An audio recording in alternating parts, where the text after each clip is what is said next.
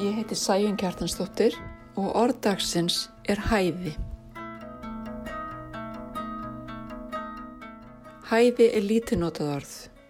Ég raun svo lítið að því ég fann það ekki orðabók efaðist ég um að það væri alvöru íslenskt orð. En svo leindist hæði í Íðorðabanka árnastofnunar. Sjálf hef ég stöku sinu gripið til þessa orðs en fundist ég þurfa að útskýra það með ennska orðinu dependency, að vera háður. En af hverju er orði hæði ekki hluti af íslensku talmáli? Það er ekki svo ljótt, rýmar við næði og gæði. Nei, ég held að notkunarleysi orðsins hæði sé ekki af fagurfræðilugum toga, heldur tengist að merkingu þess. Við lítum kvorki á sjálf okkur nýjum verölduna út frá hæði og þess vegna höfum við ekki fundið þörf fyrir þetta orð. Sá sem er háður þarf á einhverjum eða einhverju að halda.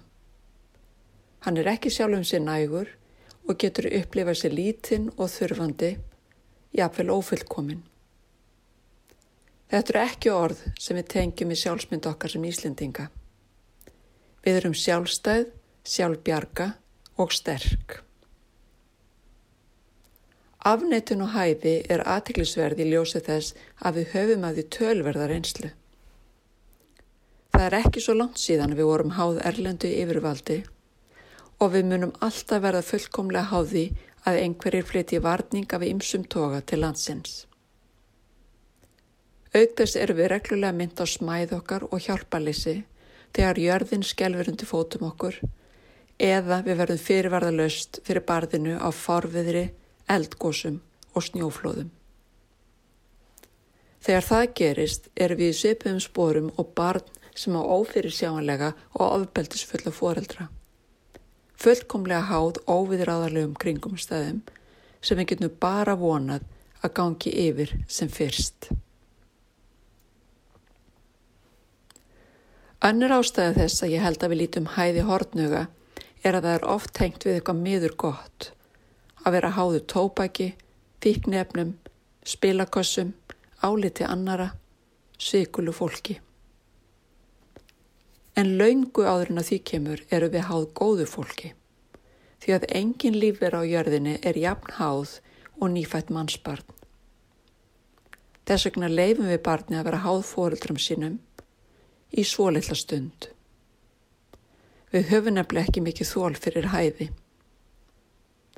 Tíman sem barn fær með foreldrum sínum mælvi með klukku frekar hann að horfa til þarfa barsins því foreldrarnir verða að komast í vinnuna.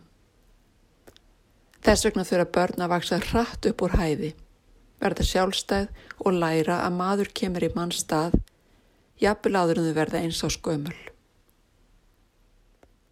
Sá bökull fylgir skamriði að sjálfstæði sem stendur undir nafni er áfangi í þroska sem næst með því að fá að vera háður öðrum. Við getum öll lært að sína sjálfstæði því hegðun er hægt að læra. En raunverulegur innri styrkur verður til í tengslu með fólk sem er fáum að vera háð. Alveg þanga til við erum tilbúin til að sleppa að því takinu. Nú þegar ósýnilegt veiru kvikindi hefur sett heiminn á annan endan erum við mynd illþyrmilega á hæði okkar. Við erum háði að allir verði sóttvarnir, að vísendamenn finni bólefni, að þórólfur sem er puttan á púlsinum, að spítalarnir sinni veiku fólki. Það getur valdið óta að horfast í augu við hæði, en aðalega ef við höldum að hæði sem mótsögn við sjálfstæði. Staðrendin er að við erum hvortvekja í senn, sjálfstæð og háð, en afneitun og hæði elur á sjálfsblekkingu.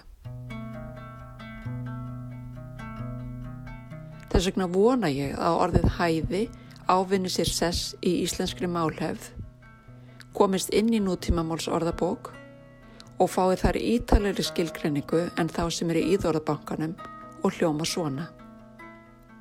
Hæði, það að skorta sjálfstæði og eða sjálfströst.